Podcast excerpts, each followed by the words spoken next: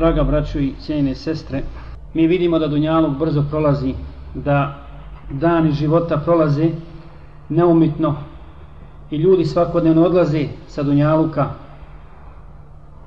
To je neminovnost. Međutim, braćo i sestre, velika je razlika što se tiče ljudskih života kod onih koji vjeruju Allaha Đelešanu i žrtvuju se na tom putu i onih koji to ne rade a takođe i smrt takvih tih dviju skupina ni blizu nije ista. Dakle, kako život nekih ljudi nije isti, tako ni njihova smrt. Neki ljudi umru samo fizički. Tjelesno odu od nas, odu između nas. Međutim, njihovo dijelo, njihovo dijelo i ono što su ostavili za sebe nikada ne umire. Ne umire do sudnjega dana. I to je vrlo značajno i vrlo bitno za nas, da imamo to uvijek na umu. A neki ljudi opet kad umru, sa njihovom smrću umire svaki spomen na njih. Nikad ih se više niko i, i ne sjeti. Mi ćemo večeras, inša Allah, govoriti o jednom muslimanu, jednom velikanu islamskog ummeta, koji, možemo slobodno kazati, je samo fizički umro.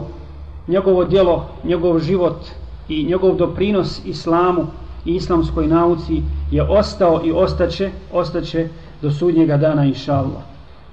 Dakle, govorimo o Muhammedu ibn Idrisu Ash-Shafi.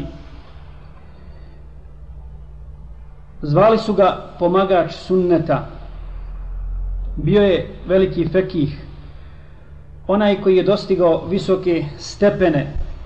Kažu islamski učenjaci govoreći o njemu, njegovoj biografiji, da je fantastično dobro poznavao Kur'an i kur'anske znanosti, zatim fik, zatim usuli fik, čiji je utemeljitelj bio sam Šafija, zatim pravila jezika, književnost, pjesništvo i tako dalje. Dakle, nije skoro bilo grane nauke, a da, a da imam Šafija i nije poznavao.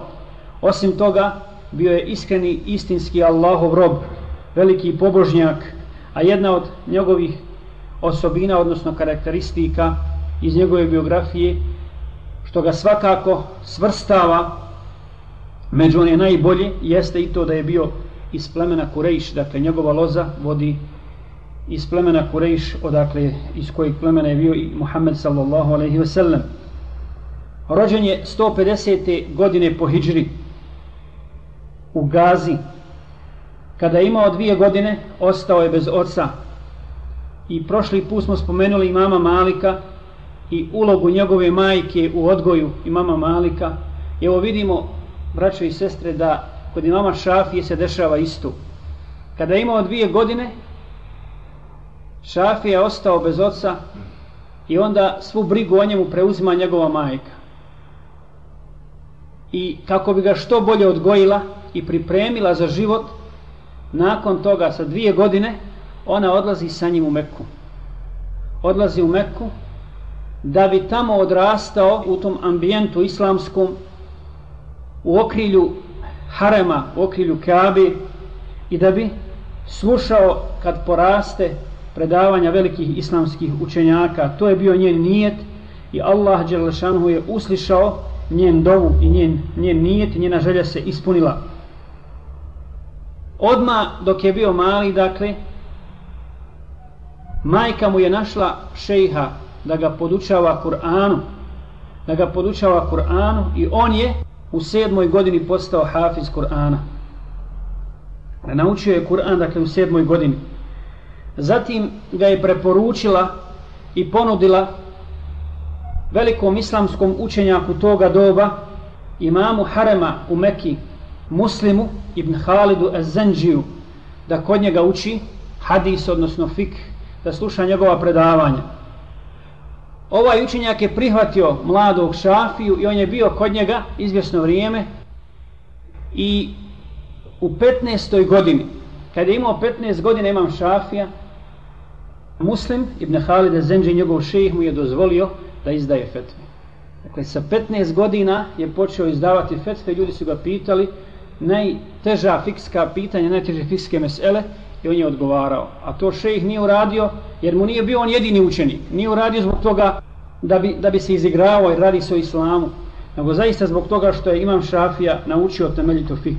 Nakon toga što je proboravio izvjesno vrijeme, dakle do svoje 15. ili 16. godine pred ovim šejhom, kaže Imam Šafija, otišao sam posle toga u Jemen, u pleme Hudejl, da naučim čisti, tada je najčišći arapski jezik se govorio u tom plemenu.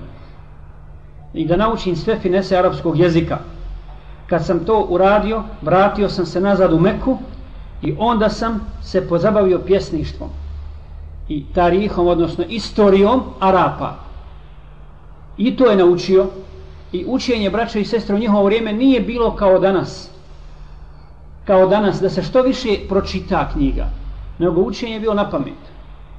Tako da je, da je Imam Šafija savladao sve finese arapskog jezika, pjesništva, književnosti, istoriju dobro poznavao i tako dalje. Međutim, jedan put ga je sreo jedan pobožni čovjek u Meki, bio je jedan od učenjaka, ali eto nije poznat u istoriji Islama i kaže mu, mladiću, ja kod tebe primjećujem veliku inteligenciju, a posvetio se pjesništvu, istoriji i tako da, jes to korisno, ali za tebe je puno korisnije da proučavaš fik, da nastaviš sa fikom, da produbljuješ svoje znanje u šarijatskim znanostima. Kaže, to se meni svidjelo, pa sam ga upitao, a kome? Kome da idem? Završio je predavanja kod muslima Ibn Halda iz Enđija koji mi u 15. godinu dozvolio da, da daje fetve, gdje da proširim svoje znanje? Kaže, ja ti preporučujem najvećeg učenjaka današnjice, dakle u to vrijeme, idi u Medinu kod imama Malika. Tada je već Malikom muvata bio u opticaju. Neki ljudi su ga imali, nisu postale štamparije, ali se prepisivao i pojedini učenjaci su imali i studenti imali su taj Malikom muvata. Kaže Šafija, pa sam našao kod jednog alima u Mekki Malikom muvata i tražio sam da mi ga posudi. I posudio sam od njega muvata i naučio ga na pamet za devet dana. Za devet dana je naučio kompletan Malik uvata. Poslije toga slijedi ona priča koju smo mi prošli put ispričali. Da je on od namjesnika Mekke dobio preporuku da ode kod imama Malika i znamo kako se to sve odigralo i šta se desilo. I ovdje ćemo spomenuti samo iz one priče, onaj detalj kada ima Malik rekao, kada se sreo sa Šafijom, rekao mu je o mladiću, vidi da ti Allah podario svjetlo, nemoj dozvoliti da se to svjetlo tvoje na tvom licu ugasi tminama grijeha. Dakle, nemoj dozvoliti da tvoji grijesi budu uzrok da nestane tog svjetla i tog nura koji ti Allah podario. Ja osjećam da ćeš ti postati veliki čovjek. I onda mu kaže, ima Malik, ako hoćeš da slušaš moja predavanja, ja sam te prihvatio, primljen si, ali ne preko veze one, kako smo prošli put rekli, preko onog namjesnika. Primljen si da slušaš predavanja, ali moraš naći nekoga ko će ti čitati mu vatu moju i ti je učiti i onda doći kod mene da, da vidim da jesi naučio. Pa kaj ja to već znam. Ja već znam u vatta. Pa dobro kad dođi sutra pa da, da vidimo. Došao imam šafe i tako za nekoliko dana završio mu vrta kod imama Malika kod imama Malika je naučio hadis, puno je se okoristio i ostao je u Medini sve do smrti imama Malika. Nije ga, dakle, imam šafe napuštao. Naučio je fik fetve ashaba, a posebno je dobro poznavao dijela Ehlul Medine, kako se to u fikhu zove, dakle, stanovnika Medine, jer ima Malik je uzimo mišljenje stanovnika Medine kao dokaz, kao dokaz u vjeri.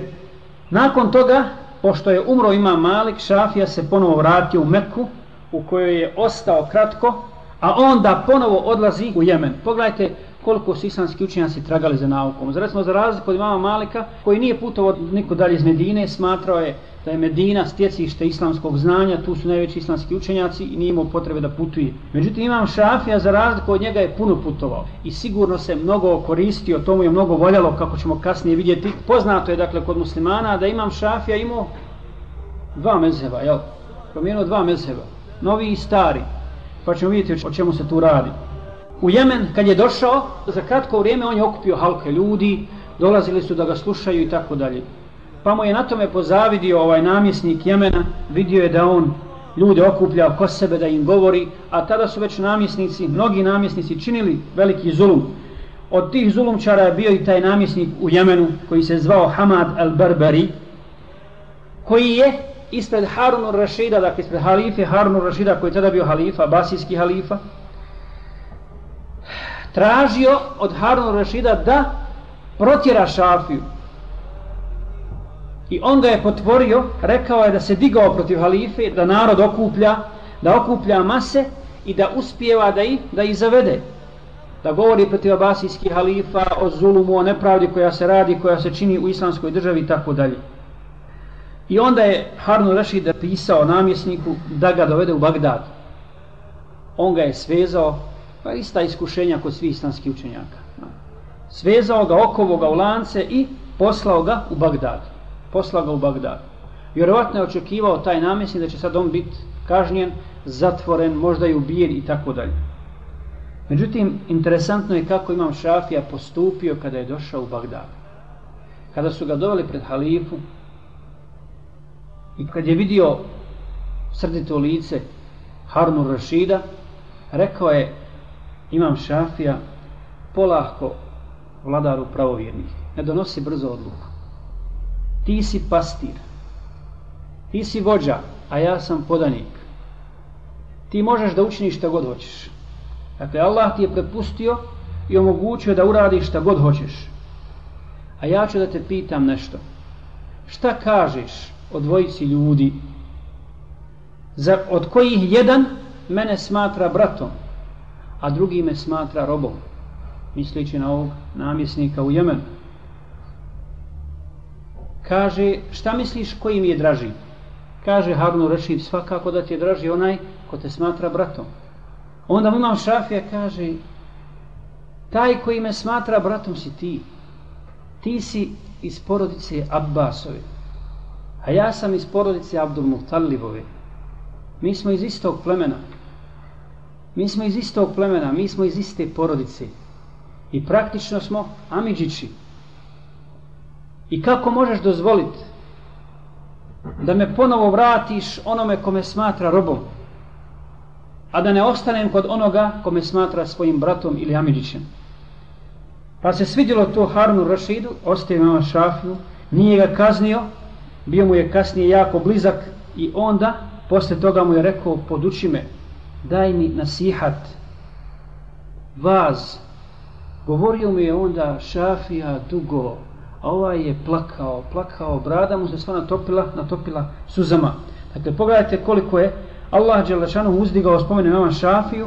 Ovaj namjesnik zulumčar hoće da ga uništi da ga ubije da ga kazni samo da ga nema, da se ne širi islamsko znanje, da se ne širi islamsko znanje među muslimanima, da nema takvih ljudi.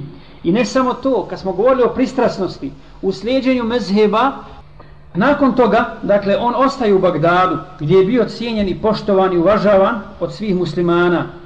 Posle toga se ponovo vraćao u Meku. I tada je, dakle, kad se treći put, odnosno drugi put vratio u Meku, tada je utemeljio ova usulska pravila pravila usuli fikha i počeo je držati halke i predavanja. Dakle, prvi put, prvi put neko kao učenjak islamski govori o usulskim pravilima. Dakle, o temeljnim pravilima fikha, islamskog prava. I on je, on je postavio. Napisao je posebne knjige i posebna poglavlja o tome imam šafije. I držao je halke u haremu, u haremu Kaabi.